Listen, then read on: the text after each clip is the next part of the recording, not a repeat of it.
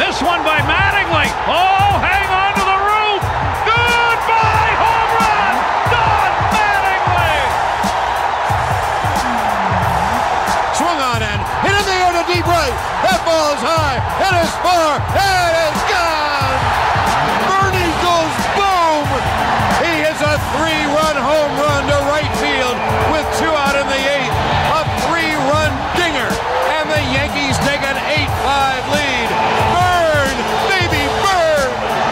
On a drill deep to right field. There it goes. See ya into the upper deck. David Justice with a three-run home run, and the Yankees have come all the way back. They lead six to four. Get your tokens ready. You might be boarding the subway. Oh, what a big home run for David Justice. They're going to wave him around. The throw misses a cutoff man. Shove it to the plate.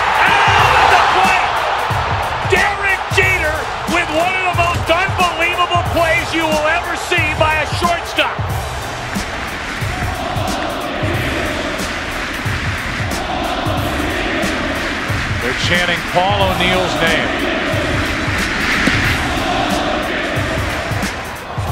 Still six outs to go. Sean pops it up. He ran right into the Oh, what a catch! And what a Did you see that? play by Jorge Posada Ha! with his bare hand. That was unbelievable. baseball. Figgins backed him off. They got tangled up. Jorge Posada dropped his glove and he made a catch barehanded. I've never seen that before. Swisher skies one into center. Back at the wall. This ball is off the wall. One run scores. It'll be Nunez. Jeter right behind him. And with that, the Yankees have taken the lead. Down nine to nothing. They lead it in the eighth, 10-9. Judge hits one to center field and deep. Going back, Love. Kiermaier, turning, looking, see ya! A monster home run!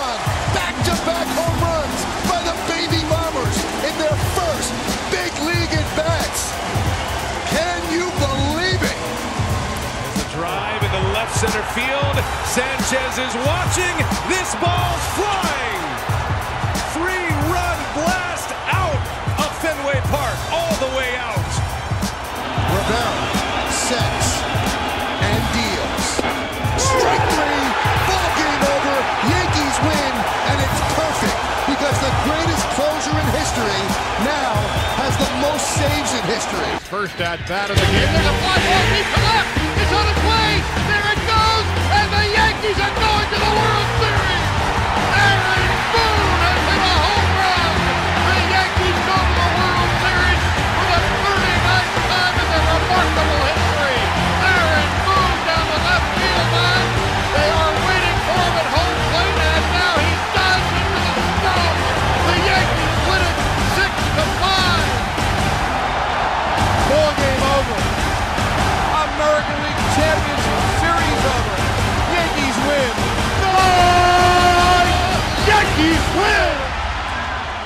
Sziasztok, ez itt a New York Yankees Hungary és a Yankee Háza podcastje, a téma továbbra is a Yankees, 102. adás, a mikrofonnál DS. Mike, És B. sziasztok! Nagyon sok szeretettel üdvözlünk minden kedves hallgatót, régit és újat egyaránt. Nagyon-nagyon jó kis heti témával készültünk nektek, először azonban kezdjük az ajánlásokkal. Kezdem én, Juan Sotónak ajánlanám a mai adást. Köszönöm a figyelmet. Miért? Mert pont nekik mindokról. Nem sokára kiderül. Én, én, nekem kettő ember van, én ismét Brian Cashmannek fogom ajánlani, Éreztem, hogy Ki? ez. aki megmentette a seggünket, mert az előző adásban beharangoztam, hogy mekkora király Winter Meetings áll előttünk, és nem történt semmi, azon kívül, hogy Cashman üzletelt jobbra-balra. Gyakorlatilag kb. ennyi történt. A másik pedig Scott Borász, akinek ajánlom. Uh, ugye Juan Soto ügynöke, és Sotónak ez az utolsó arbitrációs éve, úgyhogy nagyon valószínűleg uh, szabad ügynök lesz az év végén, és szerintem ez az ottani szerződés, ez Borásznak nagyon uh, már a tenyere, hogy Szotóval bárkivel leüljön, mert szerintem ő elő fogja kapni ezt a 700 milliós szerződést, hogy hát oké, okay, de Szotó védekezik is, stb. stb. Szóval szerintem ő jól járt ezzel a, az ottani szerződéssel, amiről majd beszélünk később. Igen, ezt az egy, egy év múlva ezt majd újra hát veszük ezt, hogy borásznak mit ajánlunk szerintem. Egy év múlva ilyenkor. Én a 18-as karika feltalálójának ajánlom ezt a mai adást, mert szükség lesz rá a találmányára. Nem, viccet félretéve, de egyébként részben neki is. Uh, én a harmadik műszak című sorozatnak szimplán azért, mert újra egymásra találtunk, és az nekem egy, egy, egy különleges élmény minden egyes alkalommal, mert a gyerekkorom egészét hozza vissza. Holott hát mai fejjel nem biztos, hogy egy gyerek nem nézhetném amúgy. De... Volt régen mennyi ilyen volt, érted, x kezdve minden, tehát így mondjuk neked lehet, hogy nem, mert a kisgyerek vagy még, de... PS love the conversation. Na, no. jó, akkor, szóval együtt az ajánlásokról. És akkor kezdjük is olyan kis hírekkel. Ugye hát a már emlegetett Brian Cashman. Hát ezt nem is mondanám Ninja Move-nak, mert ez nem az volt, hanem ez teljesen egyértelmű volt, és ugye az utolsó pillanatig mi voltunk a valószínűsíthető befutók. É, meg. Ugye volt egy, olyan, volt egy pillanat, amikor úgy nézett ki, hogy nem jön össze mégsem ez a csere, mert uh, Yankees és azon belül is Cashman ugye túl sokat gondolt, hogy a Padre, úgy értem, túl sokat uh, kért a Padres szerintük. Juan Sotoért, de végül is megszereztük őt, és vele együtt a centerfielder Trent Grishamet is. Öt játékost küldtünk cserébe, ebből négy dobó, ugye végig arról szólt a fáma, hogy a, a San Diego-nak nagyon komoly dobóerősítés kell, ezt meg is kapták tőlünk valamilyen szinten, ugye Mike King és Drew Thorpe volt a két headliner a trade-ben, mellettük még Johnny Brito és Randy Vasquez ment oda, valamint kaptak egy catchert, az egyik legrégebbi ilyen kis kötelékben lévő játékost küldtük oda, Kyle Higashioka-t így ők öten mentek San Diego-ba. Ö, cseréről a véleményeket egyelőre szerintem nem kérdezem meg, mert a műsornak a heti témájában majd ki lesz tárgyalva Mike részéről. Ö, összességében szerintem ez egy teljesen vállalható csomag volt egyébként Szotóért, tekintve, hogy mekkora szupersztár. Az egyetlen, ami nyilván fájdalmas ebben számomra, legalábbis, hogy, hogy egy évre kötöttünk vele ugye szerződést, egy éves a szerződéséből egy évet vállaltunk át. Következő off nagyon-nagyon mélyre a zsebébe kell nyúlnia majd annak, aki, aki meg akarja őt szerezni, illetve hát, hogy nekünk, hogyha meg akarjuk tartani. Hát nyilván így egy kicsit más a fekvése a dolognak. Ettől függetlenül szerintem ez egy jó trade volt, mindent összevetve, még akkor is, hogyha főleg King és, és Drew Thorpe azért eléggé fájdalmas elemei ennek ilyen részről. Mike, beugrok eléd. De azt tudtuk, hogy ha megszerezzük Szotót, az zsebben nyúlós lesz, tehát nem volt olyan opció, hogy ne fájjon valamilyen mm. szinten. Ez így van. Nagyon, nagyon örülök, mert tényleg egy ilyen játékos, aki ennyit kerül bázisra, nagyon hiányzott a csapatból, még hogyha nem is fog bázisokat lopni, meg igazából írogatják, hogy most akkor őt right fieldre kéne tenni, mert ugye a Yankee Stadiumban a left field az elég nehéz pálya, Szotó meg védekezésben nem túl erős, de... ha hát hoz egy, hoz egy jó, jó átlagot azért, nem? Védekezésben. Hát igen, de az, az, az, az a Yankee Stadium left fieldjére azt mondják, hogy azért az azért nem árt, ha valaki jó hmm. védekezésben. De az a kérdés, hogy akkor Judge lesz a centerfielder. Hát azra besgetik nagyon. Visszatérve egy ilyen komoly izéből, lábúj sérülésből, az kiváló taktikának tűnik egyébként egyelőre. Igen, hm. de hát ez Csotóval a line az nem ismétlődhet meg, mint tavaly, úgyhogy muszáj volt valamit kezdeni a free agent piacon, meg nincsen ilyen szintű játékos most. Yep. Szabadjára engedjük Mike-ot, levegyük a, a szájzárat. majd, majd a végén, majd a végén. Megegyeztünk a Boston Red Sox-tal, nem tudok beszélni. Egy cseréről Alex Verdugo érkezett három dobója. Cserébe Greg Weissert, Richard Fitz és Nikolás, Nikolás Judis uh, szért cserébe. Én a rage a végére hagyogatom. Hagyogatom? Hagyom. Ja, szerintem ez is egy jó csere egyébként, mert Verdugónak ugye tavaly mondjuk kicsit gyengébb szezonja volt, viszont összességében eddig a karrierében majdnem 300-zal ütött Ö, nagyon jó fog jönni, hogyha, hogyha képes lesz bázisra kerülni ő is, meg igazából ugye most az outfieldünk ezek szerint úgy néz ki, hogy Judge, Soto és Verdugo. Szerintem, hogyha Alex Verdugo a legrosszabb outfieldered a háromból, akkor az egy elég erős outfielded van. Meg pont, pont a, mielőtt elkezdtük a felvételt, akkor néztem meg, hogy még nem volt olyan szezonja Verdugónak, hogy 100 strikeoutja lett volna, 96 a legmagasabb, úgyhogy megint... Majd jövőre. Ja, hát jövőre, igen, de hogy papíron egy ilyen játékos kellett a csapatba. De én olvasgattam ilyen kommenteket trade-ről, a bostoniak elég örültek, hogy uh, emberileg nem annyira kedvelték Verdugót, meglátjuk, hogy... Bostoniak emberileg kit kedvelnek, úgy összességében. De... Muki Becre is fújnak már, meg nem meg Ortiz. Hát az, az emlékszem, hogy izével Jackie Bradley Juniorral volt is valami balhéjuk, nem pedig aztán ő se egy ilyen irritáló személyiségnek tűnt. nem. De őt is, őt is elbetűzték, saját szurkolói egy időben volt valamilyen balhé, hogyha jól emlékszem. Na mindegy, szóval Alex Verdugo, igen. Ö... Én, mint ilyen kizrukker, annyira nem csíptem őt. Kénytelen leszek remélhetőleg megszeretni. Hát ugye neki az előző szezonban voltak valami komoly balhéi korával, ugye? Azért is ö... igen. érzi jól azt, most érezte, érezte jól azt a trédet, vagy azért is jött jól neki ez a tréd, mert, mert ott, ott voltak komolyabb problémái az edzőjével hát kíváncsi leszek, hogy mennyire fogja tudni kamatoztatni nálunk a bázisra kerülési tehetségét, meg a minden egyebet.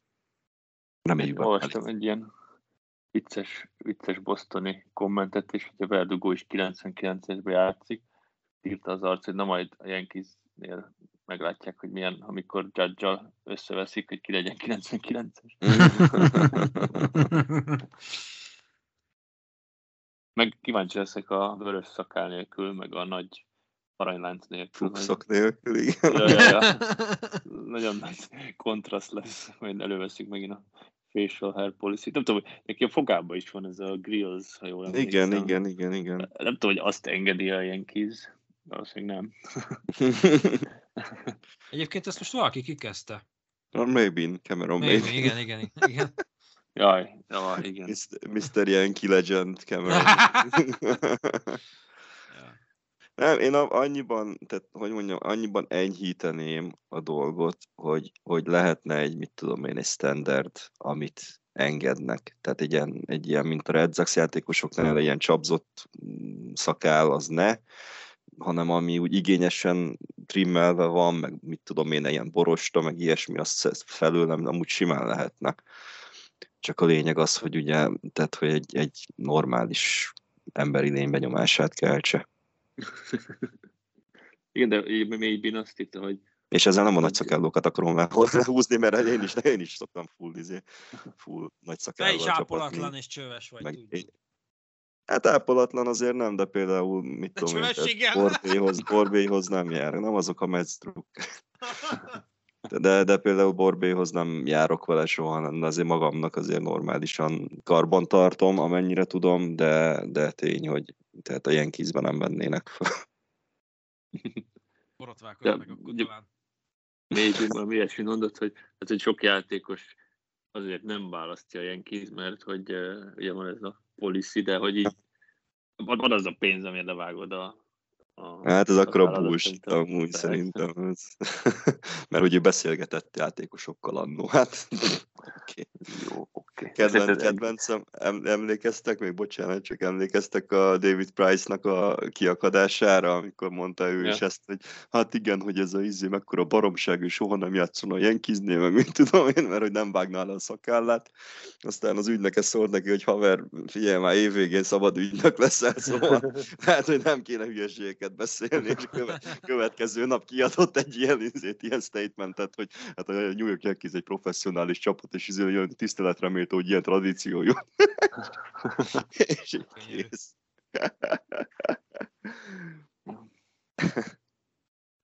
Amúgy ti összességében, Mike, most DRS szólok, mert majd téged a leti témában hallani fogunk, de Cashman Winter Meetings-en milyen osztályzatot kapna?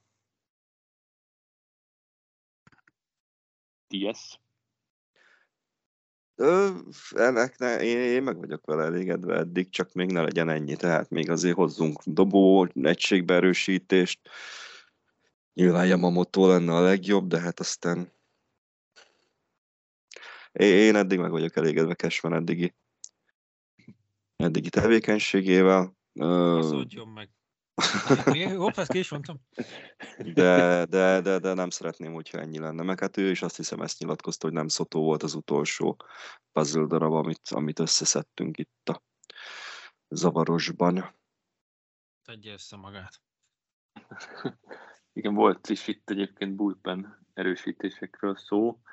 Állítólag szeretnénk visszahozni Wendy Peraltát. És Igen, az király lenne mondjuk. Igen, igen, és szóba hoztak minket hát ez megint ilyen uborka szezon pletyka, de Jordan hicks aki ilyen, hát volt closer, meg setupman is, a Cardinalsban, meg aztán a Blue Jays-ben játszott, elég tehetséges srác, de valószínűleg rajtunk kívül még tíz másik csapat is érdeklődik iránt, úgyhogy valószínűleg most nem a bullpen a prioritás. Hmm. Yep. Pedig meggyengült. Kicsit olyan, mint hogyha nem tudom, ilyen ugrani készről pitbull lenni, hogy Mike marad. Nem, még marad. Grand Pierre Waldman. én, vagyok, én vagyok az egyik öreg a Grand Pierre Waldmanből. És hát ugye Aaron Boone egy nyilatkozatában beszámolt az előző szezon sérülésről befejező játékosok állapotáról. Rizzo teljes értékű off-season munkát végezhet majd, ez mindenképp nagyon jó hír.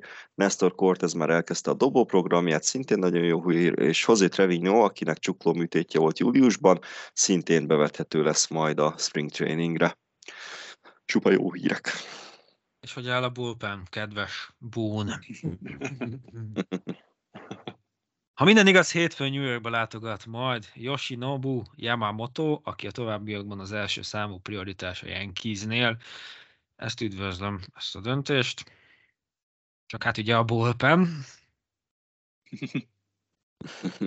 Na jó, befejezem, majd a végén jön a rage Egyébként volt egy ilyen hír a héten, hogy a, van egy másik nagyon tehetséges japán dobós, a Roki Sasaki, 22 éves, hogy ő is kérte a csapatát, hogy tegyék elérhetővé az MLB csapatok számára, de ugye ott azt hiszem hivatalosan 9 szezont kell lehúzni Japánba, hogy, hmm. hogy free agent legyél, de általában mennél, azt hiszem Yamamoto is 7 vagy 6 szezont húzott lett, tehát ilyen jó fejségből a csapatod egy, egy kicsit kevesebb év hmm. elérhető, de Sasaki azt hiszem három évnél tart.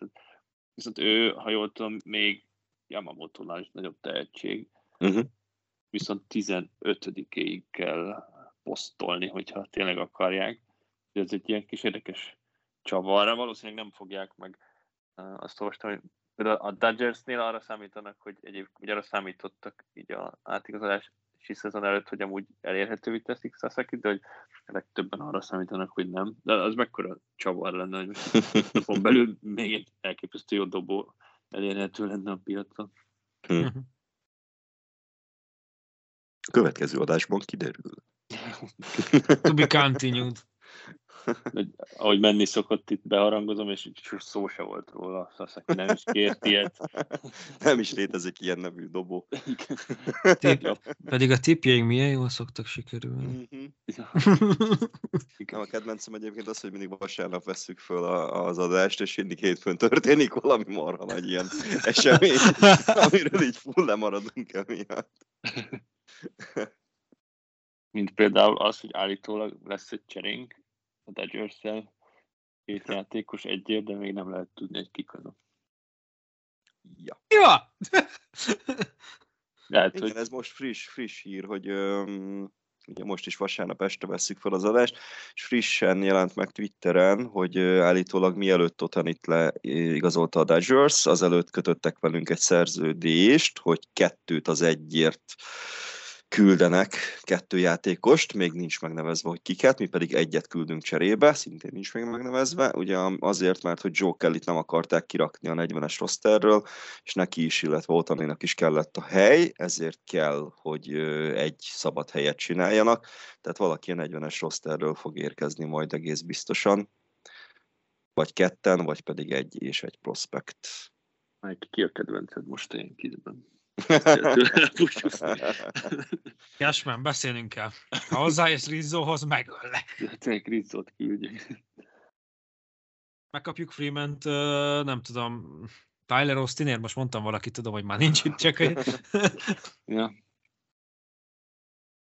Hát lehet, hogy még itt a műsor végére kiderül. Elég sokáig húzzuk.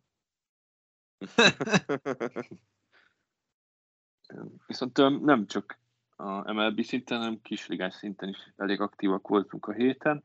Újra szerződtettük az outfielder Billy McKinney-t és a cseredobó Anthony Misiewicet, valamint hoztunk még egy cseredobó Dennis Santanát. Ő tavaly a Mets színeiben 9 lépett pályára, és 5,91-es IR-ét produkált, úgyhogy hát nem tudom, hogy a Metsnél mit művel, de meglátjuk, hogy nálunk pályára lépe majd. Valamint ami így a, szerintem a Verdugo meg a Szotó csere előtt érdekes volt, azt hiszem egy nappal előtte húztuk be a guardians Oscar González, aki ha emlékeztek, a tavalyi playoffba szivatott minket, meg neki van a spongyabobos bevonuló zenéje, és ja. tök tehetségnek tartották, de, de katasztrofális volt a tavalyi szezonja. De hát, hogyha AAA-be valamit tudnak vele kezdeni, akkor akár ő is faktor lehet, hát így már nem, hogy tele az outfield, de ami, amilyen sérülékenyek vagyunk, fog ő még játszani szerintem. Sőt, nem csak ő, hanem még a Loé-ben is szereplő Gibbs Jakab is. Ja. Valamint ugye a Winter Meetings utolsó napján megtörtént a Rule 5 draft, ahol további három ilyen kisligás dobójátékost veszítettünk el. Mitch Spence-t az Oakland Athletics vitte, Matt Sauert a Casey Royals és Carson Coleman a Texas Rangers. Úgyhogy ha mondjuk a tavaly nyári cserékkel együtt összevetjük, akkor nem tudom, hogy 15-20 dobót biztos elveszítettünk így az uh-huh. utánpótlásból, de nem is rossz neveket, úgyhogy uh, még így is vannak, azért a top 10-ben azt hiszem van, vagy három nagy név, aki így elég tehetséges, de nem tudom, Cashmannek mi a terve. Így a dobokkal. Gól amúgy Johnson-t, és végig nyomod egész egész szezon, igen, egész szezont végig dobja. Csupa izével, complete game-mel, háromnapos szünetekkel. Ja. Carson Colemannek amúgy mekkora flash lenne a Carson Coleman-val egy ilyen összekötni, összekötni a brandet. a brandet.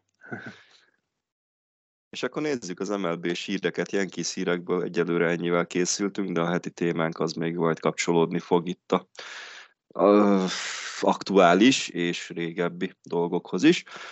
Kicsit nézzük meg az igazolásokat még hozzá divíziókra lebontva. Kezdjük a National League-gel és a legtávolabbival az NL West-tel. Hát a legnagyobbat szóló tegnap érkező hír, Los Angeles Dodgers szerződtette Shohei Otanit, 10 év, 700 millió dollár. Ugye egyelőre még nem végleges a trade, lévén még a Otaninak át kell ugye mennie a Dodgersnek a, az orvosi vizsgálatain, és azt ugye tudjuk, hogy a következő évben, 24-ben abban a műtétje miatt csak ütni fog, illetve védekezni is, vagy azt, azt sem vállalt, vállalhatja. Mert dobni ugye egyáltalán nem dobhat, viszont DH csak, csak DH lesz. Uh-huh, mert akkor csak DH lesz, igen.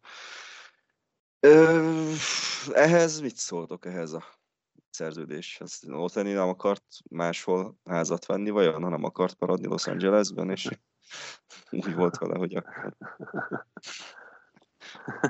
ugye itt a, Hát csak annyi, ugye, hogy a, legutol, a legutolsó pillanatig hogy a Torontót rebesgették nagyon-nagyon sokat, hogy, hogy ők azok, akik a befutók lesznek majd.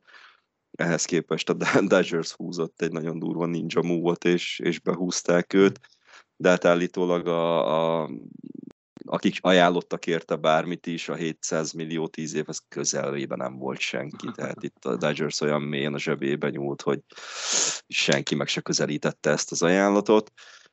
Hogyha valaki... Egy ilyen tweet, hogy igen? valószínűleg a Jace egy ilyen, ilyen névtelen source, hogy hát mi egészen biztosan nem 699 millió dollárt ajánlottunk. Uh-huh. Hát minden eset, hogyha van bárkinek is Blue Jays Drucker barátja vagy ismerőse, az, az keresse fel és ölelje át egy kicsit tartani benne a lelket. Nekünk nincsen, mert bennünk van tartás, de...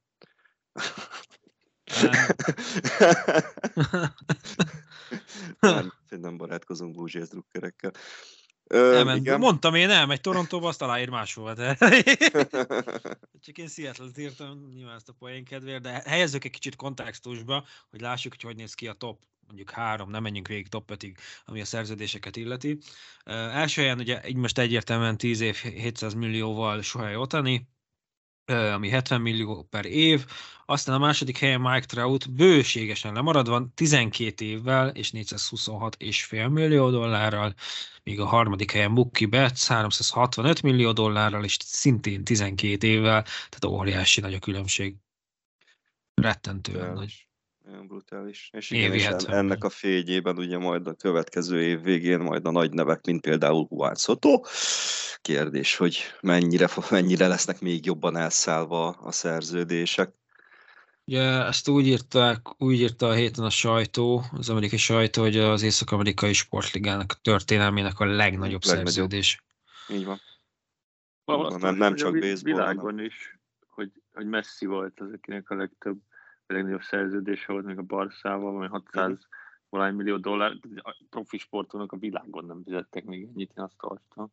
Igen, a világon úgy néz ki ez, hogy most Otani az első, Lionel Messi a második, négy év 674 millióval. Uh, igen, ezt is azért izlelgessük. Uh, Patrick Mahomes, uh, a Kansas City Chiefs irányítója 10 év 450-nel a harmadik, Karim Benzema az Al Etihad focistája két év 426 millióval, mondjuk az se semmi. A negyedik, és, és uh, innentől fogva ismerős nevek, mert innentől fogva csak baseball játékosok, mint például Mike Trout az ötödik helyen, 12 év 426 és fél, amit azt korábban említettük, és egyébként a top 10-ben benne van Aaron Judge is, ő a hetedik, 9 év 360 millióval.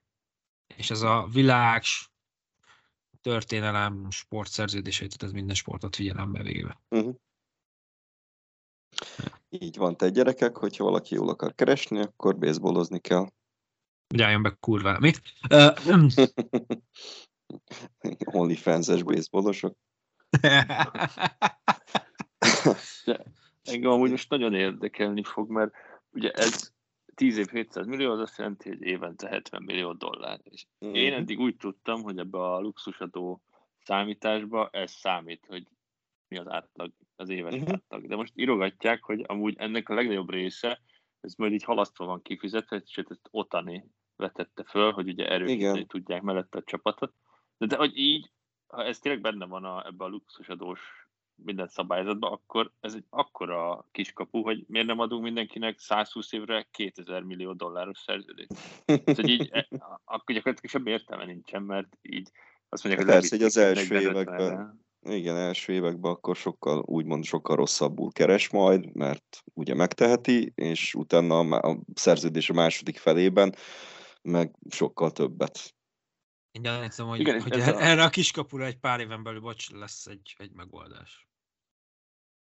Igen, mert eh, ugye például a Nationals csinálta ezt sokáig uh, a nagy szerződése, azt hiszem Strasbourgnak is a szerződése ilyen ez a, ez a halasztott fizetéssel van, meg ugye Bobby Bonilla a leghíresebb, hogy mhm. pont ez volt a, a, a luxushatónak a, a lényege, hogy tök mindegy, hanem hogy ez a szerződés, ez az éves átlag, de Igen. ezek szerint akkor, akkor mégsem.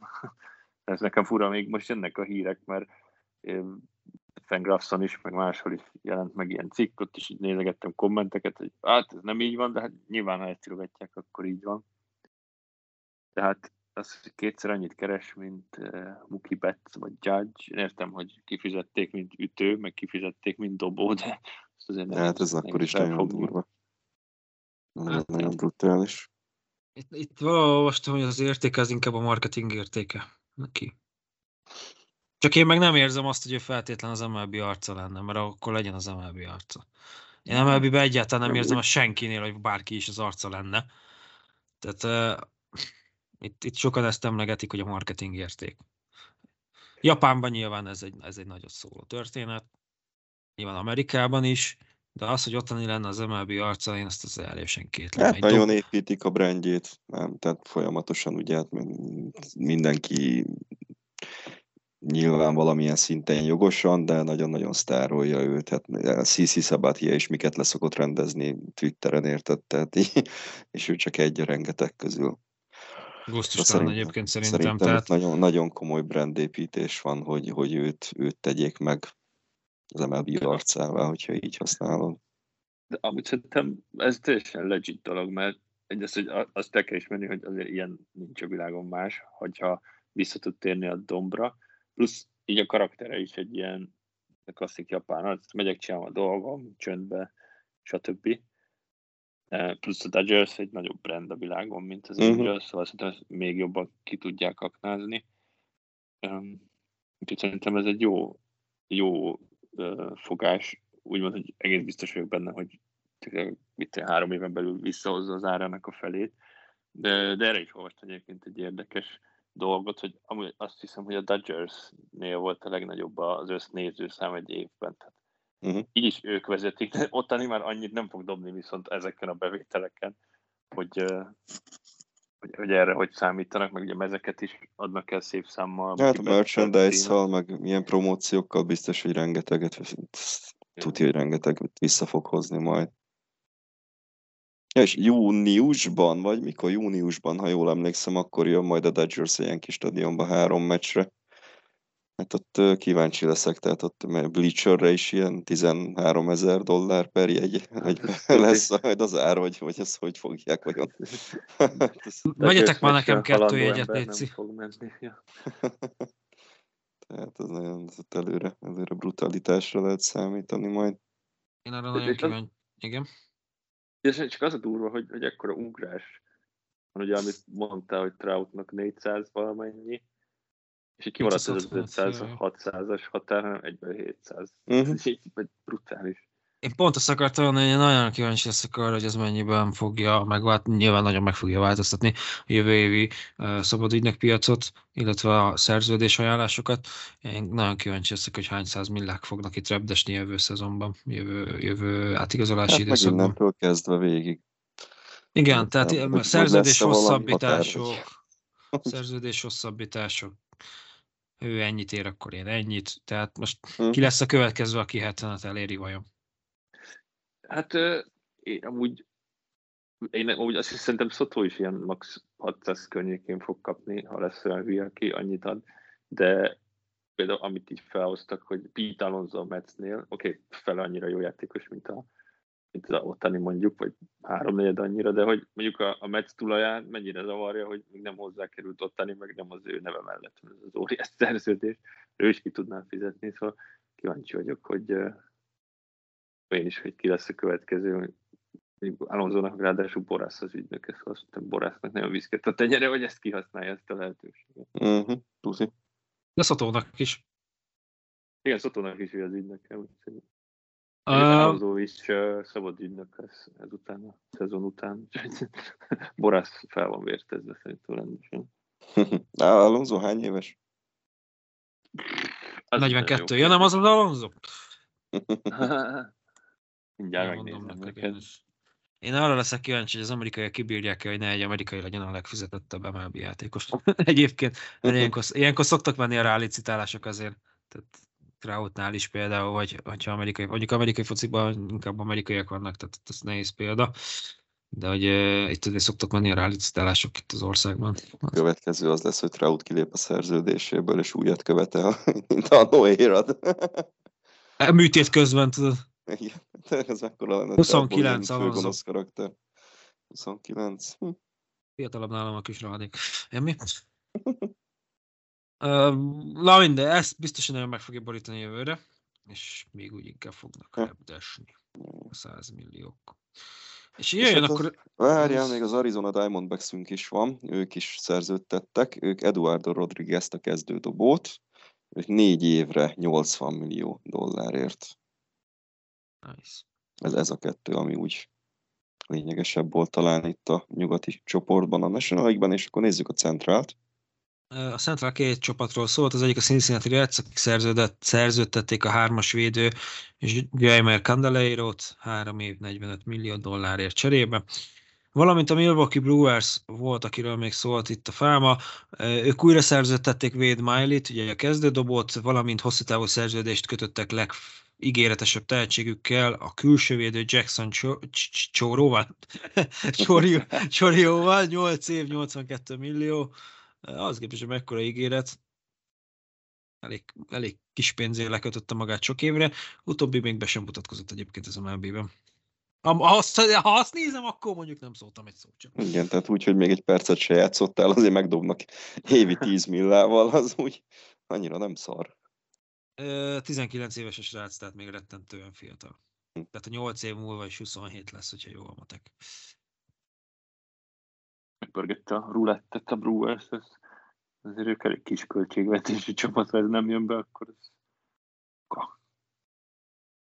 Hát figyelj, úgy voltak vele, hogy így is úgy is szarok, most nem. Egy bassza. nem szarok, nem, nem, csak... hát mikor ha meg úgy bejön, mint a kunyával, aki 8 évre 100 milliót mhm. keres, azt mondjuk. Ja. Igen. És akkor ha már akunya, ugorjunk a az NL East-re. Hát egy szomorú hír szerintem, hogy a Metsz leigazolta Severinót egy évre 13 millió dollárért. Na fura lesz Metsz mezben látni, de remélem, hogy jó éve lesz.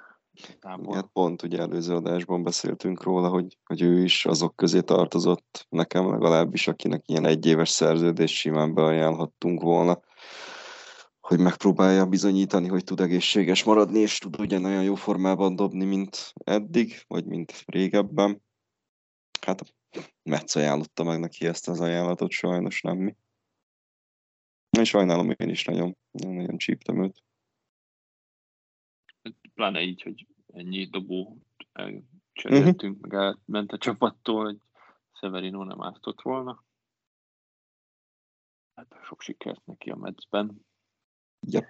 Ő játszon jól, de a Metsz veszítsen. Kapjanak ki mindig egy nullára, amikor Severino is a Csak Severinos tartjait nyerjék meg.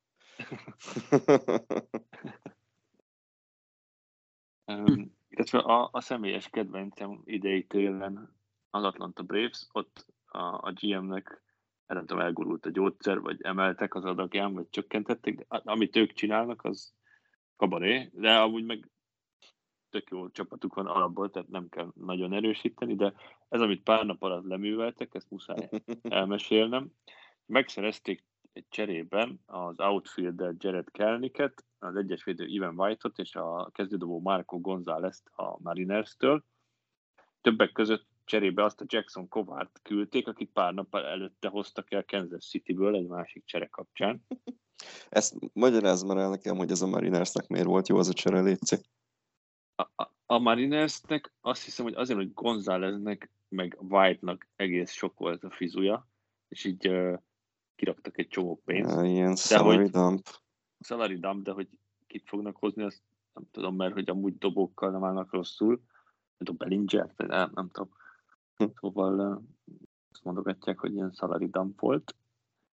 Viszont White meg González már nem tagja a Bravesnek, mert White-ot, White-ot elcserélték az Angelsbe, a González pedig a Pirates-ba, a White-ért cserébe kapták az Angelsből az infielder David Fletcher-t és a catcher Max Stassit, viszont egy nappal később Stassit elcserélték a Chicago White Soxhoz, egy később megnevezendő játékosért, gyakorlatilag azért, hogy szereztek egy Kelniket, aki még szerintem amúgy be fog válni részben, egy elég jó nevű prospekt volt, még eddig nem hozta ki a tehetségét. Tehát szereztek egy Kelniket, meg egy backup infieldet Fletcher, gyakorlatilag csináltak négy cserét.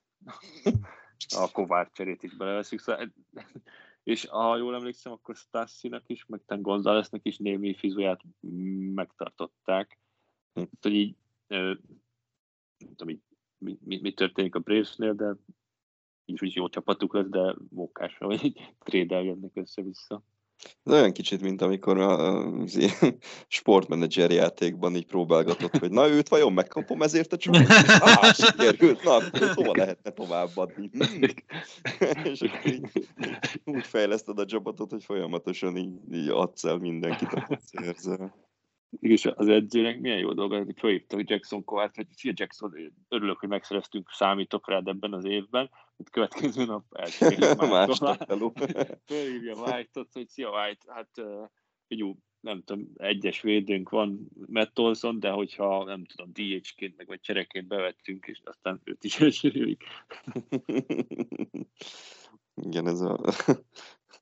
nem is éri meg kiírni a social médiára, hogy Isten hozott XY, másnap már csak átküldik a szöveges fájt a következő csapatnak.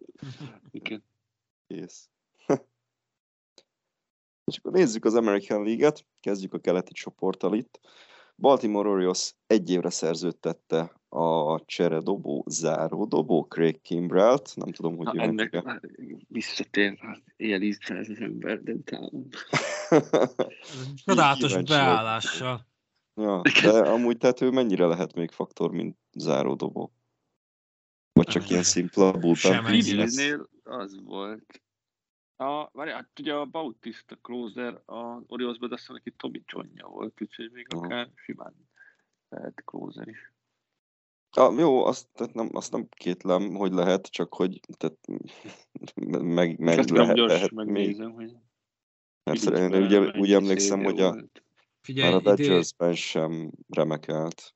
Filénél 8-6 volt a win-lose mutató, 3-26-os ERA, 71 meccse jutott szóhoz. 23 szév. Mennyiből? Hát 71 meccsen jutott szóhoz, és game, uh, game finished 45 vele. Hát csak tudod, tudod, van ilyen, hogy save opportunity, meg save rendes. Nézem, azt mondja, 5 blown szévje volt. Aha, akkor 28-ból 23. 28-ból 23, ja. Ah, ja, igen, igen, igen. Hát jó, hát Baltimore-ban jó lesz, de... Na minden, hát 8 nem, nem egy elit closer számolja ezeknek. ja. Hát meg azért, azért az is sokat mondta, hogy ez most már 5 éven belül az ötödik csapata. Hmm. Cubs, White Sox, Dodgers, Philly, és most hmm. Baltimore. Jó, hát és a Boston Red Sox egy cserével megszerezte az outfielder Tyler O'Neill-t a St. Louis Cardinalsból. Ennek annyira nem örülök. O'Neill elképzelhető, hogy fog még borsot törni az orrunk alá. Igen, pont egy olyan cserének tűnik, ami a Red Sox nagyon rohadtul beszokott. Mindig, mindig van valamilyen fogásuk, hogy oké, okay, megszereztük Verdugot, nem tudom, megsérül, ők meg hozták O'Neillt, és nem tudom, 40 homránt vág a szezonban. Abból tizet a Yankees Ja, igen. És jön az éjjel Central, a Detroit Tigers, a Tigers szerzetett a kezdődobó Kenta Maedát. Zseniális ma a nyelvtanom. Kettő év, 24 millió dollárért cserébe. Valamint a White Sox szerződtette a Japánból visszatérő kezdő dobó Erik Feddét két év 15 millió dollárért. Vizax is úgy látom, hogy a World Series-re hajt. És az EL West az nem igazán volt aktív az elmúlt héten. A Rangers szerződtette a cseredobó Kirby Yates-t. Látjuk, hogy még van-e benzin a tankban. Az Astros egy cserekecserrel, Viktor Karatinivel erősített, az Angels pedig ugye elvesztette Otanit, és három arcot szerzett a bullpenbe, Adam Kolarek, Luis Garcia és Adam Simber személyében, de hát ők sem azok a nagyon nagy nevek, inkább ilyen middle relief. Kíváncsiak ez az Angels mi lesz, mert azt kijelentették, hogy Troutot semmiféleképp nem cserélik, de az még azelőtt volt, hogy ottani eligazolt a Dodgersbe, és hát hm. vagy elköltenek temérdek mennyiségű pénzt, hogy valahogy kinézzen ez a csapat, vagy ideje lenne elcserélni Troutot, de már nem kap annyit érte, mint mondjuk három évvel ezelőtt kaptak volna. Ne, hát nyilván. Kicsit ilyen purgatóriumban vannak szerintem. Egy tíz éve. Jó, jó volt a hasonlat, hogy angyalok és purgatórium, az jó volt. és akkor nézzük a heti témánkat. Nézzük. Ezúttal én vezetem föl. Itt, itt Mike King eltrédelése kapcsán jutott eszünkbe az ötlet, hogy hát szedjük össze a top 5 ami a trédek során a Yankees történetében a leginkább ilyen érintett minket. Vagy azért, mert túl nagy ellenértéknek gondoltuk, vagy azért, mert túl közel volt a szívünkhöz, vagy csak szimplán azért, mert mindfuck volt a dolog. Úgyhogy mindhárman írtunk egy top 5-ös listát, ezeket mutatjuk most be.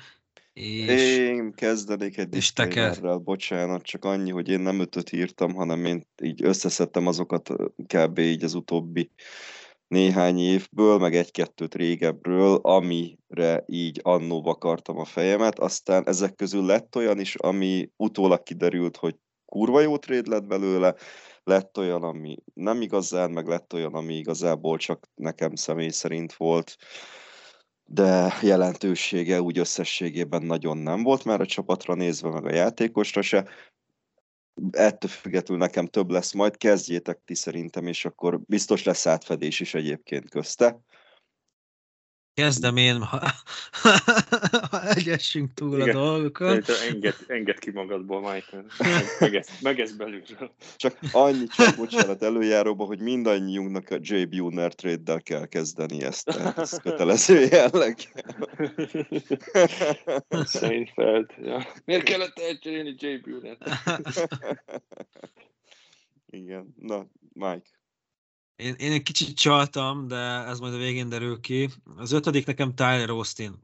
Nem volt egy nagy név a Yankeesnél, keveset is volt ahhoz itt, mármint, hogy kevés lehetőséget kapott, inkább így fogalmazok, de mégiscsak abban az első nagy triumvirátusban, vagy sok neves csokorba volt benne, a akik között Bomber. ott Baby Bombers, akiben ott volt Judge is, és például Gary Sanchez is, én őt nagyon kedveltem, főleg mert őt, ő, ő volt az, akit ked, követtem a kisligákban is, és egészen a nagy csapatig, aztán ő azóta már, hát nem váltottam meg a világot, sokáig Twinsnél volt, aztán a Brewersben is próbálkozott, majd végül Japánban talált otthont magának.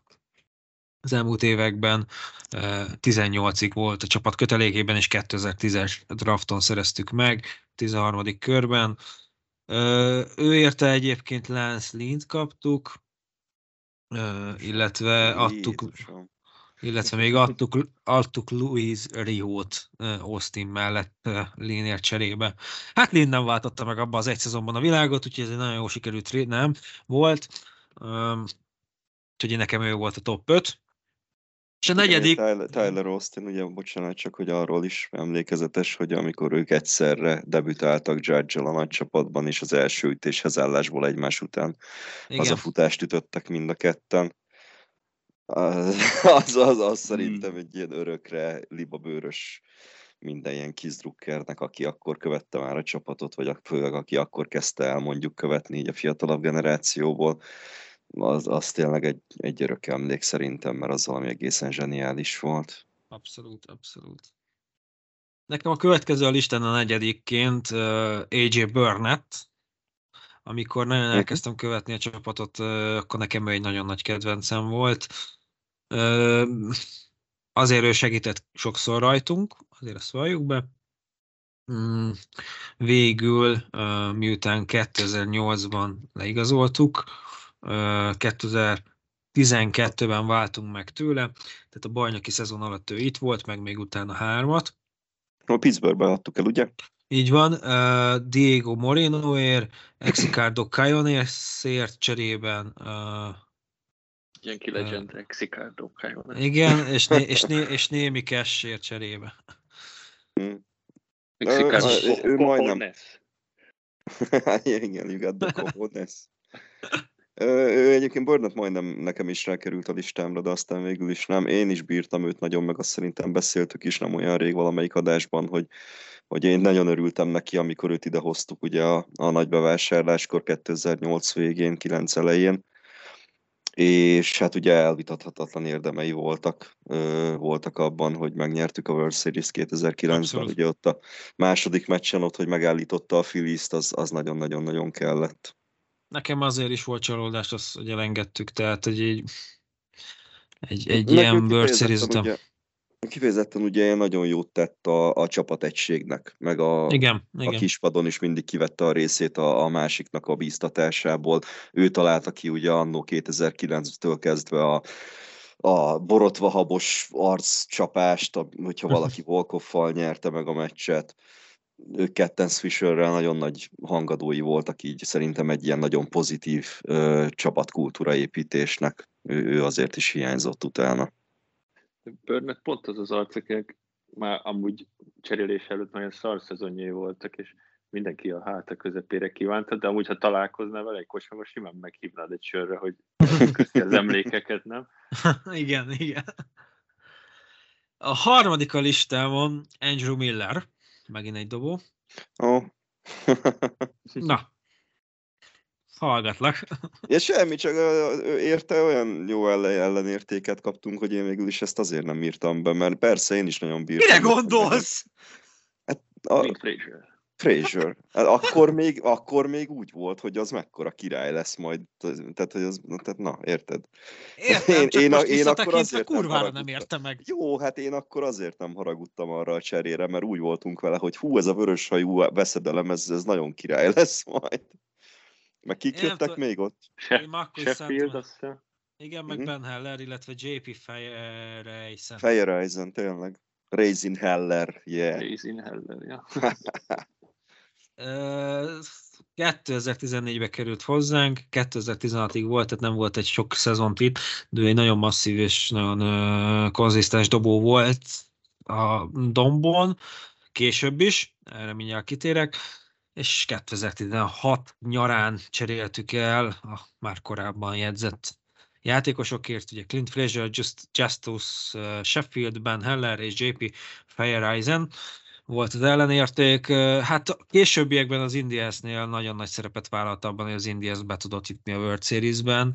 Ö, Ellen, el, el, évülhetetlen ér, érvényei vannak ebben az ügyben. És én pont a, a stabilitása miatt uh, sajnáltam nagyon, hogy őt eltrédeltük, hát illetve ő egy kis kedvencem volt nagyon sokáig még utána is. Um, úgyhogy nekem ő volt a harmadik. Uh, igen, hát én, őt én is nagyon-nagyon szerettem, ugye Delin Betans ezzel meg chapman ők nagyon durva hármast alkottak Igen. ott a bullpen végén, valamint hát ugye neki köszönhető a 2017-es ALDS harmadik meccsén Greg Bird Yankee karrierjének a legeslegnagyobb, sőt talán az egyetlen hatalmas nagy mozzanata, amikor egy hatalmas dobópárbaj meccsen 1-0-ra nyertünk Greg Birdnek egy kibaszott nagy homerunjával, amit éppen Millerről ütött. És ugye utána fordítottuk meg azt a szériát. Igen, ez a Szóval- másik oldal. szóval Miller miután elkerült innen, utána is még True Yankee maradt. Kettő név maradt, de ezt a kettőt én egy helyre soroltam, top 1. Legnagyobb mindfuckok. Ki lehet találni, valószínűleg minden hallgató tudja, mert ez már itt eh, a podcastek során sűrűn előkerült, meg hát miatt a podcastelünk ez az alatt történt, az alatt az időszak alatt. Jordan Montgomery eh, és Mike King kézen fogva szerepel a top 1-en. Montgomery azért, mert egyrészt egy nagyon nagy kedvencem volt az, azzal is már csak, hogy, hogy az egész karrier elejétől fogva a Yankeesnél volt trédig, 8-9 évet valahogy így nem, ha jól emlékszem, erre mindjárt mondok Mm. biztosat, nem, 2, 4, 6 évet ö, volt, én őt nagyon szerettem, rán supportot sosem kapott, de én őt ugyanúgy stabilnak gondoltam, mint ahogy Millert. És hát ilyen, nem tudom, nekem ő ilyen igaz ilyen kis rác volt mindig is. Nem New Yorki pedig, de hogy eh, én nekem ilyen kizzel ugye egybe Fort Monty, aztán elment azóta már a Phillieshez, utána pedig a Texasba, ahol World Series-t is nyert, és nem a Philliesba, hanem a Seattle, a St. Louisba. Igen. Úgyhogy ö, nekem, nekem ez egy nagyon fájó trade volt akkor, és ugye érte, itt voltál előttem. Ugye nézem, hogy kit kaptunk. Péter. Harrison Bader. Béd, ja igen, Bédert. Hát azt meg ugye tovább bótoltuk, úgyhogy ez is egy nagyon jó sikerült Hát, trade volt. elengedtük. Én, én azért, én, hogy mondjam, én is felírtam ezt a trédet egyébként, de ezt is olyan side nottal, hogy, hogy nyilván Montgomery elvesztése az rohadtul fájt, viszont Harrison Badert én nagyon-nagyon megszerettem az alatt a rövid idő alatt, amíg itt volt nálunk. Tehát, hogyha valaki, akkor ő aztán nagyon-nagyon durván élte ezt, hogy ő olyan kizbe játszik, és nagyon-nagyon tényleg látszott rajta, hogy, hogy minden percét élvezi, és én inkább ezért haragszom, hogy őt ennyire elkótya vagy éltük igazából a, a egy évvel később. De nyilván Montgomery is fájdalmas, tehát abszolút megértem. Meg hát te ugye nagyon csípted őt. Viszont annak más- örülök, hogy bajnok tudott lenni. Annak abszolút én is, és még velünk. én, én nem teszek rá arról a kis vágyálomra, hogy visszahozzuk most egy szabad ügynök, mert még az. Hát kézen fogva a másik dobóval Mike Kinger áll a dobogó, képzeletbeli dobogó tetején. Kinget 2017-ben hoztuk Cooper, Gerett Cooper, Caleb smith cserébe a Marlins-tól, és némi uh, international bonus slot money is kaptunk. Én azt gondolom, hogy ez egy nagyon so, jól sikerült trade volt, tehát a, amit az elmúlt szezonokban King csinált a domban, az, az fergeteges, mint kezdőként is volt is egy uh, nagyon szép montás, hogy 2.25 volt, azt hiszem, vagy 2.21 kezdőként az IRA, és 3.05 talán uh, backup, vagy mi az uh, bullpenként, cseredobóként. Cseredobó. Hm. Én szerintem ez egy borzalmasan rossz döntés volt, hogy beletettük a Szototrébe, lehetett volna mást is. Szotót nem sajnálom, meg tök jó, hogy itt van nyilván, de, de az, hogy, az, hogy odaadtuk Mike Kinget, az nekem nagyon fáj. Nyilván Szotó zsebben nyúlós, de úgy, hogy egy év, és valószínűleg Szotó megy, mert Cashman egyelőre meg Bull, meg a többiek, meg talán Steibrennel is egy évvel számol. Én nem gondolom, hogy Kinget meg kellett volna engedni. Borzalmas hibának tartom, főleg amennyire stabil volt az elmúlt években, úgyhogy alapvetően cseredobó és már kezdődobó szerepeket is kapott, és, és mindig stabil volt. Egy meccs volt talán, ahol megcsapkodták.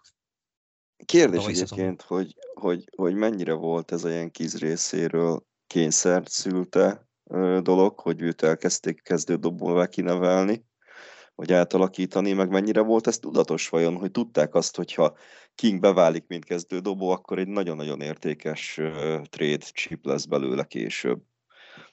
Én szerintem Meg hogyha- kényszerű volt az, hogy elkezdték ke- kezdődobónak, tehát Mhm. akkor kezdték el, amikor a legnagyobb szarva volt a csapat, és Na, mindenki igen, sérült volt. persze, nyilván a sérülések azok kellettek hozzá, viszont hogyha volt ebbe tudatosság is a Yankees részéről, akkor viszont ez egy nagyon-nagyon komoly előrelátás, és nagyon-nagyon jó húzás volt a csapatvezetés részéről.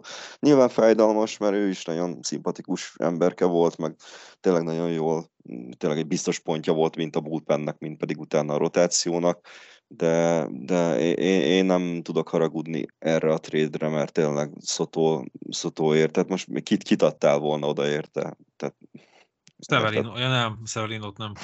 De hogy Clark Schmidt. Clark Schmidt, ja, igen. na, Schmidtet például, de hát És Schmidtet előbb odadobtam volna. Tehát a King azért már kezdett kiforni. Tényleg ahány oldalú dobó ő, mert kezdőtől kezdve cserál, cserén át mindent is bevállalt a Hmm. csapatért. Uh, én előbb dobtam volna oda Schmidtet, annak ellenére Schmidt is fájt volna, de nem ennyire. Én Kinget nem. Szerintem egy hatalmas nagy érték volt. Abba a bullpenbe és abba a rotációba, ami minden évre, évre, évről évre, minden szezonban vérzik. Mert valaki mindig kidöglik. Jó, hát az mindig, tehát az, az úgyis benne van. Tehát az, azzal nem, az Na jó, csak akkor most, akkor most még meggyengítjük, tehát hogyha úgyis benne Hát jó, van. de most tehát- a bullpenbe, bullpenbe például tudnak hozni bármikor embereket, aztán azok vagy beválnak, vagy nem, most akkor... Hát csak pont ez az, hogy Mike King már nem csak bullpen. Hát jó, de érted? Tehát épp azért, mert ő bevált, épp azért volt nagyobb, sokkal nagyobb értéke. De hát Szóval, igen, hát- mondom, én megértem a te álláspontodat, mert ettől függetlenül én ezt egy jó, jó cserének tartom. Főleg, hogyha Szotó a második meccsen lesérül majd, és egy egész évre kidől, akkor aztán pláne. De, Ismerve a Yankees átkot. Ha Jack De- Kingnek hívnák, akkor nem is lenne rajta a listán. Nem, de amúgy teljesen érthető, amit mondasz, Mike. Én, én is valahogy ezen a télen próbáltam így a, nem tudom, kizárni a, a lelki dolgokat, és, és Én- én egy- eh, bocsi, egy- Szotó egy plusz- egy plusz egyet, nem tudom, tovább, ha tovább akartok menni a sajátjétek, nekem még van egy plusz egyen, pont emiatt, mert hogy az elsőn ketten osztozkodnak. És ez a plusz egy, ez valójában a hatodik, csak uh, így a sorrend az nálam nagyjából ez volt, amit most felsoroltam, az Melki Cabrera volt egyébként uh, hatodikként, uh, egyszerűen bírtam a csókát, és hát ugye 8 szezon az 8 szezon a Yankeesnél.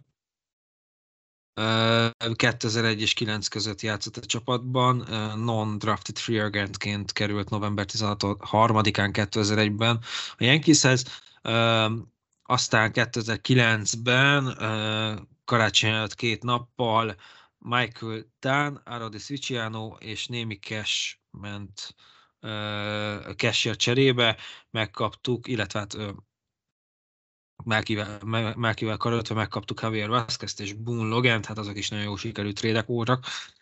Jó, Javier Vázquezben ki lehet üldözni a világból azzal az emberrel. És mi van Capuánóval? Na szóval, hogy Melki Cabrera volt a hatodik listámon, ezt csak azért jegyzem meg, mert ugye top, mert második helyem így gyakorlatilag nincs, de most, hogyha előrébb húzhatjuk tulajdonképpen az egészet, nekem még ő, ő volt így, aki szóba került. Ja, Melki, Melki, igen, Melki egy kicsit nekem is egyébként.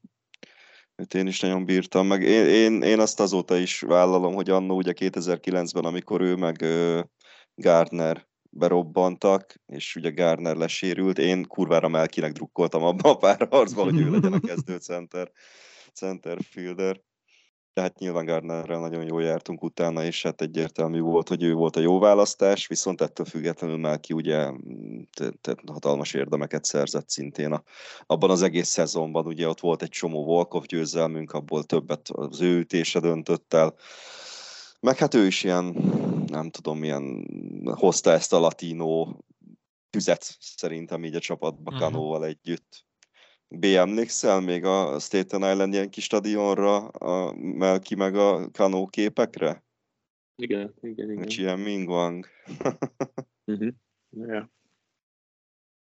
Szóval igen, igen, nagyon régi, régi motoros volt nálunk, és, és nyilván igen, azt én is én sem szerettem azt, amikor, amikor ő el, elkerült tőlünk. Mm, mi legyen, B? Folytatod te? Folytatom, mert nekem is csak öt darabot írtam össze.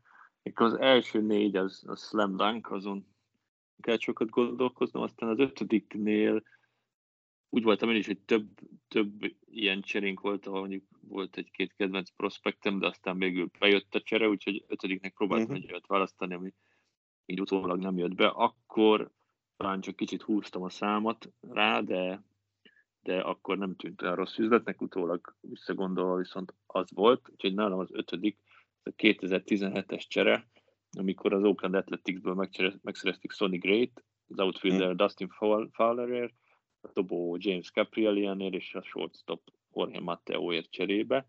Ugye mindhárman tök nagy prospektek voltak, ugye emlékszem, hogy Dustin Fowler Fowler nagyon kedveltem, és ugye ez az első meccsén, hogy bemutatkozott 2016-ban, tönkre vágta a térdét a White Sox stadionban, és még gyakorlatilag föl se épült, úgy cseréltük el. Caprielian is elsőkörös draft volt, ugye tök jó dobónak mondogatok, és azt Tommy John műtétje volt, úgy cseréltük el, Matteo meg talán még, hát ha nem is első számú prospektünk, de ilyen top három volt. Úgyhogy mind a hárman ilyen tök nagy prospekteknek voltak mondva, és ez nem tetszett, hogy ennyi mindent odaadtunk Sonny Grayért, aki jó dobó volt, de egy utólag visszagondolva ez egy totál... Még hogyha egyébként egyikőjükből sem Egyikük se vált újba, igen. Igen, igen, de ez nekem akkor így nem tetszett, úgyhogy ezt szoktam ötödik helyre. Hát, már, már te ott mostanában láthattuk az Oriolsban, ugye? Most oda, oda hát, a szél. Igen, ugye Caprielian még dobálgatott az Athleticsben, Powerből végül nem lett, nem lett semmi. Hm. Ja, ja, ja. Én, én ezt azért nem írtam bele, mert én Sonic Great nagyon-nagyon csíptem, és nagyon örültem, amikor idehoztuk, és vele is így voltam kb. mint most a Soto trade hogy, hogy persze meg volt az ára, viszont vele nagyon jó érhatunk, hát sajnos az, az totál zsákutca volt. De egyébként nem értem mai napig, mert ugye hát ő bizonyította azóta is, hogy egy tök jó, tök jó dobó, meg most is ugye tök jó mhm. szerződést kapott. Tehát valahogy neki a New Yorki, New Yorki levegő az nem, azt hiszem, ő nyilatkozta is, hogy neki ez a nagy market, ez nem jött be. És, Aha. és, és ezért eh, nem tudott jól teljesíteni. Valamilyen podcast, vagy nem is tudom, ő nagyon, egyébként jól is beszél, emlékszem, Szíszéknek is volt vendég, és ugye csak élvezett hallgatni, hogy a pitchingről beszélt, tehát uh-huh. ő így eh, nagyon nyitott az ilyen, ilyeneknek az elmesélésére, és valahol mondta, hogy mert egyszerűen neki nem jött be New York, nem tudott Hmm. teljesíteni. Ám itt így respektálok, de hát nem ezért Na, Ezzel mi nem vagyunk előrébb sajnos. Igen. Mi Igen. mint ilyen kis drukkerek. Igen, én például pont ezért ö, mindig az ellen voltam, hogy, vagy mindig azért drukkoltam, hogy nehogy leigazoljuk Zach Greinke-t. Mert, mert Hm. hogyha valaki, akkor ő szerintem Ne. totálisan becsődölt volna a New Yorkban. Miért Hát mondod? Annyiaknak bevált már nyúlja. Ja? Nem. Szerint, szerintem az, az, az nagyon jó volt, hogy ott rá nem mentünk rá. Igen? A negyedik helyre én az említett Melki Cabrera cserét tettem. Ö, Nekem instant kedvencem lett, mikor elkezdtem követni a csapatot. Ugye, amit mondtatok, hogy 2009-ben tök jó éve is volt. Azért nem tettem följebb, mert aztán Gardner gyakorlatilag szerintem mindenkinek nagy kedvence lett, úgyhogy nem lett akkor a probléma, de emlékszem, hogy megnyertük a World Series-t, és Melki abban az évben tök fontos játékos volt, és emlékszem, nagyon szíven ütött, hogy az instant egyik kedvencemet elcseréltük. Hát végül utólag játszott a csapat. Én a harmadik helyre tettem Montgomery-nek a St. Louisba cserélését. É, Azért emlékeztek, hogy mit beszéltünk akkor, hogy ki voltunk akadva, hogy gyakorlatilag idehoztuk Bédert, aki tök jó védekezésben, de nem nagyon tud ütni. Aztán az első fél év, meg a playoff az tök jó volt. Idén megmutatta, hogy gyakorlatilag tényleg nem nagyon jó ütésben. Mm, Nekem még mindig fáj, hogy Montit gyakorlatilag egy fél év Béderért cseréltük el, ahelyett, hogy mondjuk jó, nem szoktunk szerződéseket hosszabbítani, de most bebizonyította, hogy amit gondoltunk róla, hogy playoffban is lehetett volna róla szá- rá számítani, de csak azért harmadik ez a csere, mert mégis Bédernek az playoff, az azért az király Az volt. király volt. Ja, Meg ment. tényleg, tehát a, a visszahozni... Hát ő volt az egyetlen értékelhető miatt a playoffban állunk. Igen, és ő legalább oda tette magát, tehát hogy így Béderrel szemben nincs semmi ellenérzésem, csak hogy így gyakorlatilag akkor is az volt, hogy, hogy miért Montgomery-t adjuk, aki Uh-huh. szerintem többet tudott volna hozni a konyhára, de nem Béder ellen szól, hanem tényleg Monti nagy kedvencem volt. Főleg, hogy a tavalyi szezonban azért jó lett volna még egy kezdődobó.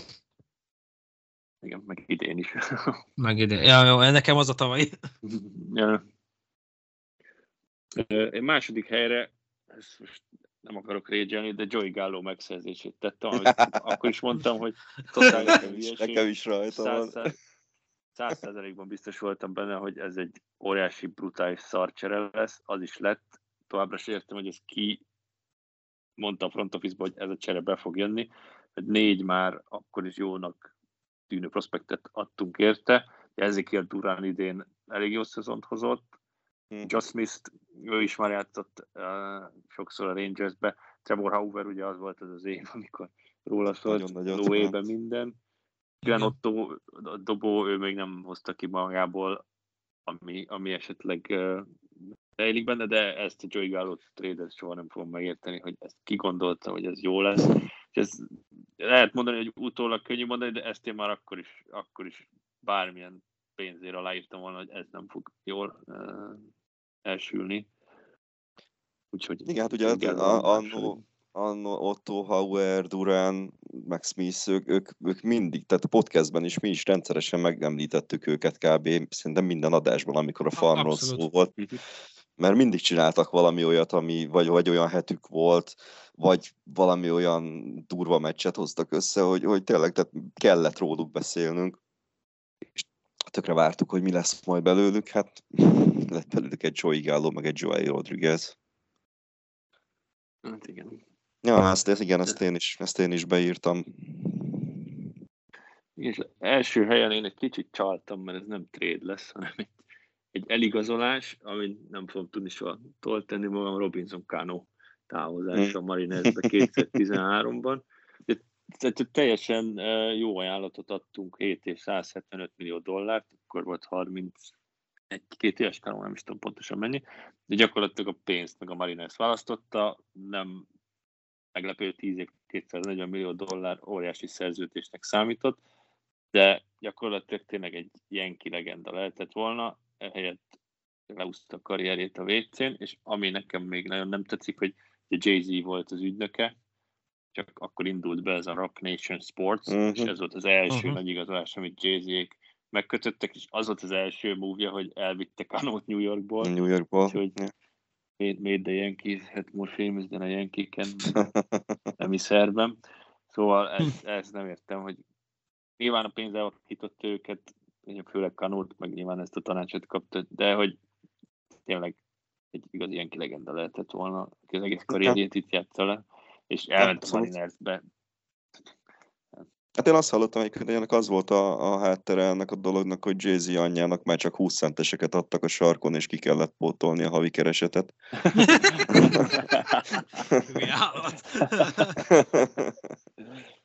nem, nem is értem. Azt, oké, nyilván van 70 millió dollár, meg három év különbség, de hogy így ez pont az a helyzet volt, szóval szerintem a Yankees ajánlathoz egy teljesen logikus lépés van. Uh-huh. Ja, az hm.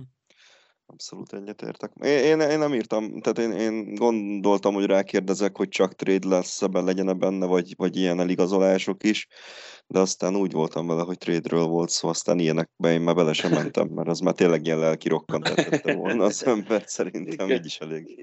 Így Igen, is azért raktam bele, mert ez a Kano téma annyira bassza a csőrömet, hogy nem tudok mellé Azon én is gondolkodtam. Tenni, hogy csak kicsit csaltam.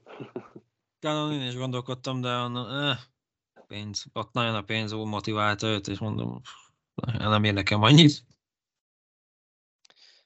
Hát aztán... Meg, meg igazából ugye egy, egy szar helyzetben volt akkor a csapat, de most el, mondjuk 2017-ben van egy kanónk, aki még formában van, mm-hmm. akkor abból World Series lehetett volna simán. Hát jó, hogyha lehet, hogy akkorát már nem tudott volna csalni az Astros. Hogy... ja, hát abszolút, tehát igen, igen, igen. Ő, ő, ő simán egy olyan vagy nem miért, hogy mondják, sarokköve lehetett volna az elkövetkezendő évek csapatának, ami köré lehetett volna építeni konkrétan a következő generációs ilyen kiszt. De hát... Simán. Hát szerintem top 10 ilyen ki legend lett, vagy jó, ilyen 9-10 helyen, vagy top 12, de hogy amikor Robinson Cano jó formában volt, akkor hát, egy élvezett volt nézni, akkor, akkor nem volt olyan dobó, aki outra tudta uh-huh. volna tenni. Tehát, hogy fantasztikus játékos volt. És te elment a Marinesbe, és jó, volt még egy-két jó éve, de gyakorlatilag így kukka, tényleg. Uh-huh. Yeah. No, hát kevesebb átfedés volt, mint amire számítottam. én, én, nem csináltam, én nem ilyen ötös listát csináltam, meg én nem rangsoroltam igazából. Nekem kettő olyan van, ami, ami talán így a top kettő. De, de én összeírtam többet, ami, ami nekem olyan, akár utólag visszanézve, akár akkor fejvakarós volt. Hát ugye J. Buhner nyilván. 99-ben ugye ezt aki már hallgat minket régóta, azt tudja, hogy, hogy én, én régebb óta követem a csapatot azért. 99-ben volt egy Mike Lowell nevű prospektünk, aki hát nagy tehetség volt, és nagyon sok jót fűztek hozzá, ami be is vált nagy részt, csak kurvára nem nálunk, hanem a Floridában, meg aztán a Bostonban, és rengeteg borsot tört az orrunk alá a későbbi években Lowell sőt, annak a Red Sox-nak az egyik emblematikus figurája lett konkrétan, aki szopatott minket. Ő, ő, ő, ő nekem így utólag, ugye akkor 98 végén, 99 elején, hát a kutya nem törődött vele, hát olyan úgy ment a csapat, mint még soha. És kis túlzásra, nagyon nagy túlzásra, de, de ugye hát remek éveket tudhattuk maguk mögött, meg magunk előtt is, és valamiért a front office úgy döntött, hogy Lavelt azt megéri beáldozni. Hát nem, nem, nem volt ez egy jó döntés sajnos. Illetve nem olyan régen, pont szerintem az előző adásban, vagy azelőtt volt szó Kevin Brownról, akiért cseréltünk, ugye, és hát valami uh-huh. iszonyatosan szarul játszott nálunk. nekem így ez a kettő volt, ami így, így régebről így megmaradt egy kicsit talán jobban. Az újabb vonalasok közül, és itt az újabbat azt mondjuk így 2009 után, így a World Series győzelem utáni időszakra ö, tenném. Ugye volt egy olyan cserénk, hogy Ian kennedy aki egy nagyon-nagyon komoly dobó prospektünk volt, elküldtük Arizonába, valamint Phil Colcott, aki egy tök jó cseredobónk volt, őt ö, Detroitba, és kaptuk Curtis Granderson-t, valamint a Detroit kapta még ugye Max Scherzert és a fantasztikus Daniel Schleretet, az Arizona pedig Edwin jackson Na és Coke meg Kennedy mellett nekem amiért nagyon-nagyon fájt ez a trade akkor még, mert ugye Austin Jackson-t is küldtük Detroitba, aki egy nagyon-nagyon jó, akkor talán a legjobb, vagy az egyik legjobb prospektünk volt, ugye egy outfielder, uh-huh és én is nagyon-nagyon-nagyon szerettem a, a minor ligánkban, minor ligáinkban, és nekem nagyon-nagyon fájt az, hogy, és főleg, hogy ő, amikor bemutatkozott a Detroitban, egész jól ment neki, aztán utána eltűnt sajnos ő is a sülyeztőben, meg hát Curtis Granderson ugye hozott kettő 40 homrános szezont nálunk, tehát azért az úgy felettette a dolgot. De arra nem írtam hogy... be az én listámra végül, mert mégis Granderson azért bejött. Igen, én, én próbáltam így nézni, hogy, hogy ugye ez is akkor, amikor megszületett a csere, akkor nekem nagyon fájt. Utána, amikor ugye ilyen Kennedy hozott egy 20 győzelmes szezont, akkor még jobban, de viszont Granderson meg annyira szerethető figura volt, meg annyira jól játszott nálunk, hogy, hogy, hogy az úgy tényleg felettette ezt az egészet egy kicsit. Utána, amikor ment a mezbe és nyilatkozta a hülyeségeket, akkor az már, akkor megint más, más perspektívába helyezte a dolgot, de mindegy.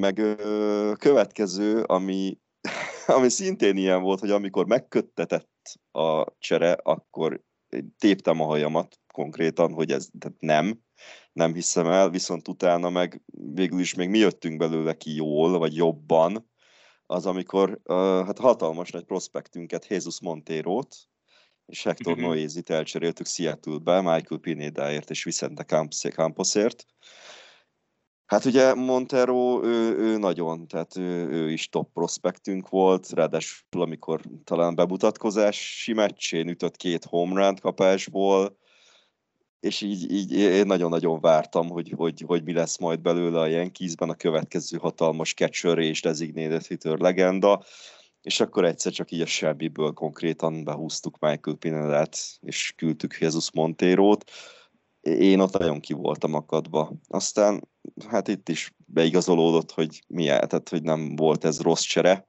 mert Pinéda éveken keresztül komoly eleme volt a rotációnknak, ugye Montero meg sajnos nagyon hamar eltűnt, de ettől függetlenül ez is nekem olyan volt, ami akkor, amikor megszületett ez a trade, akkor, akkor nagyon-nagyon vertem a fejem a falba, hogy ez nem lehet igaz. Hm. A következő az nekem azért bírt érzelmi jelentőséggel, mert ő is egy olyan prospekt volt, akit nagyon-nagyon gyerekkora óta követtem a minor ligáinkban, még az ilyen rookie ligáktól kezdve, konkrétan az egyik nagy hármas Killer Bees-nek a tagja, Manny Banuelos, hmm. akit ugye amikor már úgy tűnt, hogy nem fog beválni, és a többi, akkor elcseréltünk még Atlantába, hogy kapjunk érte valami ellenértéket, David Carpenter és Jason Shreve jött érte. Hát Carpenterre megmondom őszintén, hogy egyáltalán nem emlékszem, hogy ő nálunk játszotta, vagy hogy ő... Talán egy-két meccs nekem úgy rémlik. De, de Shreve-et bírtam, ő, ő egy elég jó bullpen darab volt de hát Banuelos nagyon-nagyon szerettem, és nagyon-nagyon drukkoltam neki, hogy beváljon nálunk. Ugye ő Delin Betances és Andrew Brackmannel hárman voltak a hatalmas nagy dobó prospektjeink akkoriban. De hát sajnos hát Slúcsirattuk. Slúcsirattuk, mikor uh-huh. elment. Igen, nem és ugye, hát, és ugye ebből csak, csak Betances volt, aki, aki úgymond bevált a Yankeesnél de hát előtte is ugye a minor ligás karrierje, karrierjét tekintve azért sokkal nagyobb karrier állhatott volna, de hát sajnos nem, de Banuelos csere az nekem szintén egy ilyen, egy ilyen fájó pont volt. Aztán nekem kicsit a, neked a, a Burnett trade-hez hasonlóan nekem szintén egy Pittsburghi csere, Ivan Nova, amikor Aha. őt elcseréltük, őt elcseréltük a Pirates-be, Tito Polót és Stephen Tarplit kaptuk érte. Kurva hát ugye, aha. Novát azt nagyon-nagyon szerettem, mert tényleg ő elég kétarcú volt, tehát volt, amikor szanaszét ütötték őt, viszont volt, amikor mindig úgy emlegettük, hogy Supernova üzemmódba kapcsolt, és, és szétalázott mindenkit. És én, én, nekem egy nagyon szimpatikus kezdődobó volt, és nagyon sajnáltam, amikor, amikor elkerült. Aztán megint csak egy, hát nagyrészt prospektként megszeretett, és a Yankeesben nagyon-nagyon minimális szerepet kapó, aztán elcserélt dobó Dietrich Enns, Uh-huh. Ő volt egy nagyon fájó pont, őt és Zach Little-t, illetve Little-t küldtük Minnesota-ba Jaime Garciaért, Hát ez nekem szintén ilyen volt, hogy, hogy őt, is, őt is követtem a minor ligákban, ahogy fejlődött, és ahogy tényleg őt is, ha jól emlékszem, akkor őt is cseredobóból neveltük át kezdődobóvá, és iszonyat jól, jól dobott. Aztán szerencsétlen már, már nem is Amerikában játszik több éve, tehát ő is annyira besült, viszont... Uh-huh. Valamikor, igen, pont most szó volt róla is, valamelyik adásban B-be leírta. Szállítom a Seibu Lions. A Sable Lions-ban, ja, ja. Igen, igen, igen. Yahoo, Yahoo és Japánba igazoltam. Ó, oh, na. De nekem a mostani, mostani csapatnak a Sable Lions térje. Igen, most indult. Most a, ah, na, volt egy Yahoo nevű játékosunk, aztán... Ja, igen, igen, igen, igen, jó, oké, okay, jó, megvan.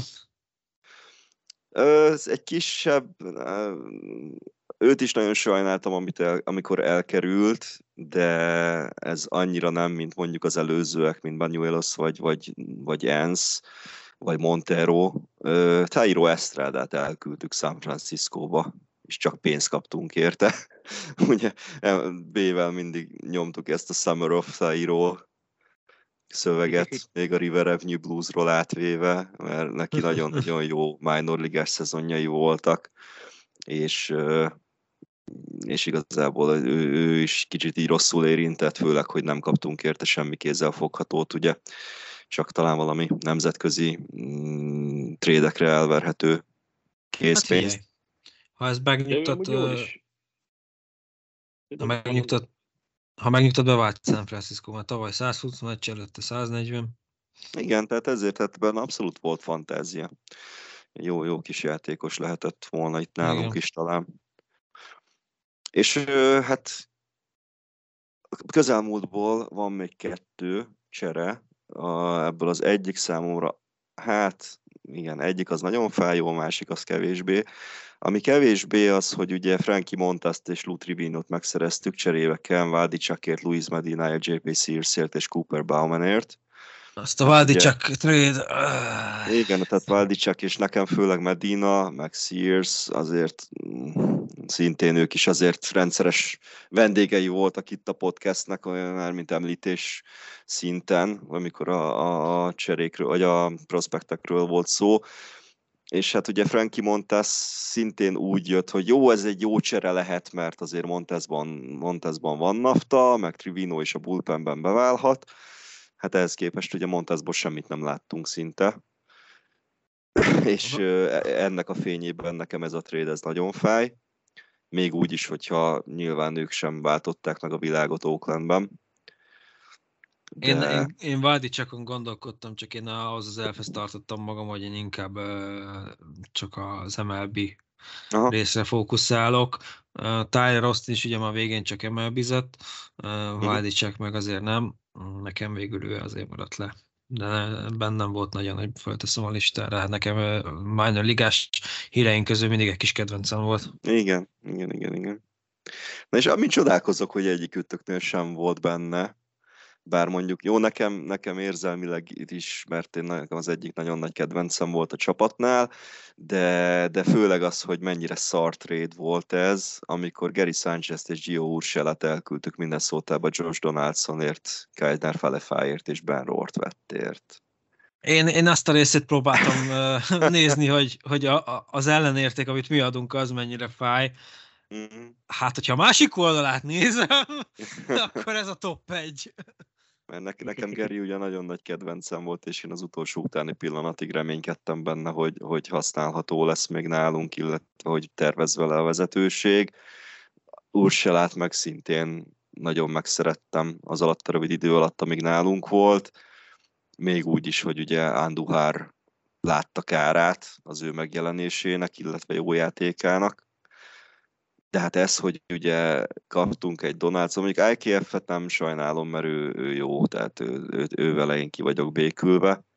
Roart vett meg talán egyszer majd, majd bemutatkozik rendesen is, illetve majd fog játszani rendesen is, de, de nekem ez a... Azért, Robocsi rolt vettet azért kell tartani, hogyha bunyó van meccsen, a bullpenből kirohanjon, és mindenkinek kiveri a fogát. Vagy csak befeszít, és akkor egyből mindenki Igen. visszafordul. Mint amikor oda ment Judge meg Stanton oszlat. Judge meg Stanton pont ez jutott eszembe, igen, akkor hogy terelték vissza az egész. Blue Jays volt, vagy Red Sox, ki volt az? Nem az volt, amivel indult a podcast? Nem, az Red Sox. volt. Ja, hát ez a zseniális volt, és akkor sétáltak ketten, és akkor így jól van, mehet mindenki vissza a picsába a kis Szóval nekem Ja, ez, nekem én is ez az, ami- gondolkoztam a Geri cserén, de akkor már amikor elcseréltük, majd oké, okay, az ellenérték az lett, ami lett, de akkor már egy nagyon kifele lógott. Szerettem volna, hogy maradjon, de már így félig meddig levontam Geriről, én azért nem írtam bele. Én azért, mert én nagyon-nagyon szerettem őt, és nagyon reménykedtem, hogy hát ha hát ha tudunk még vele számolni, meg hát mondom, Ars Ursula is, is szintén egy fájó pont volt, meg főleg az, hogy Donaldson mennyire, mennyire ellenszenves volt ebben az egészben, és aztán még ahogy játszott is, ugye az még csak így koronája volt ennek az egésznek. Szóval nekem, hogyha lenne ilyen én csináltam volna ilyen top listát ebből, ilyen negatív top listát, akkor nekem ez lenne az első helyen. Többi az, többi az inkább olyan, hogy, hogy annyira nem rangsorolnám, volt, ami fájt, volt, ami akkor fájt, de aztán utólag értelmet nyert, de, de ez, ez a Sánchez csere, ez. Meg hogy főleg az is, hogy ugye most az utóbbi szezonban ott azért elég jó fél szezont nyomott San Diego-ban. Ez, annak örültem. És egy kérdés, mert te akkor követted a Yankees-t, ha már ez a téma. Andy Petit Astrosba szerződésre. Ö, Akkor az, az mennyire utólag azért- azt? utólag azért nem fáj, mert ugye visszajött később, és még nyert bajnoki címet velünk. Akkor nagyon-nagyon nem szerettem, azt tudom, azt az egész helyzetet. Ugye ő is, meg Roger Clemens is mentek, a, mentek az Astrosba, és sőt, még döntőbe is vezették akkor az Astros-t. Akkor még szimpatikus volt az Astros. Ö, ja, ö, nem, nem szerettem. Tehát az, az, az egy ilyen nem szeretem időszak volt nekem, de, de mondom, ez, a, ez nekem annak a fényében, hogy, hogy, hogy visszajöttek mind a ketten tulajdonképpen, de itt főleg Petitre koncentrálva nyilván, ö, hogy ő, ő neki utána így a karrierje vége az, az számomra így méltó lezárást kapott azzal, hogy még, még nyert egy bajnoki címet nálunk. Nézem a, ezt a az ominózus Red Sox elleni bench cleart. Uh, egyébként Tyler Austinnal indult. Hm. Joe Kelly ledobta, le akart dobni többször. Jaj, akkor az törte szét az Austin az ütőt a izén, honpléten? Igen, igen, és akkor, akkor Jaj. kattant minden és mindenki. Joe Austin Kelly nehéz. volt a főkolompos. Igen, ez, ez ki mi meglepő. Sad face Joe Kelly. Igen, meg a, a, a Pet, Petit ő, ő free agentként ment Houstonba, nem? Igen, az, igen, igen. Az csere igen, volt, csak free agent volt, ugye? Ja, azért, azért nem rém lett annyira, hogy azért nem is gondolkodtam ezen a... Ja, csak akkor én még nem követtem, aztán így gondolkoztam, hogy ez mennyire üthette szíven az embereket. Hm. Akkor Ja, hát a- akkoriban nyilván. Egyébként az a vicces, hogy volt az a, a baseballos számítógépes játék. Mi, mi volt annak a... Az RBI baseball talán. Uh, Nem tudom, de igen, ott Petit még a 2004-es Astrosban. Astrosban volt. Ja. Igen. És akkor, és, és ott ugye Kevin Brown meg nálunk. Igen, Tony Womack. Tony von, még. oh, Jézusom. És én emlékszem, hogy abban a játékban Kevin, életem egyetlen perfect game-jét ilyen számítógépes vagy konzoljátékokkal egyetlen perfect game-et sikerült dobnom, és az Kevin Brownnal a Yankees-ben. Ja, azt emlékszem, hogy amikor ott játszottam, és akkor mindig az volt az első move hogy, a, hogy Petitet visszahoztam.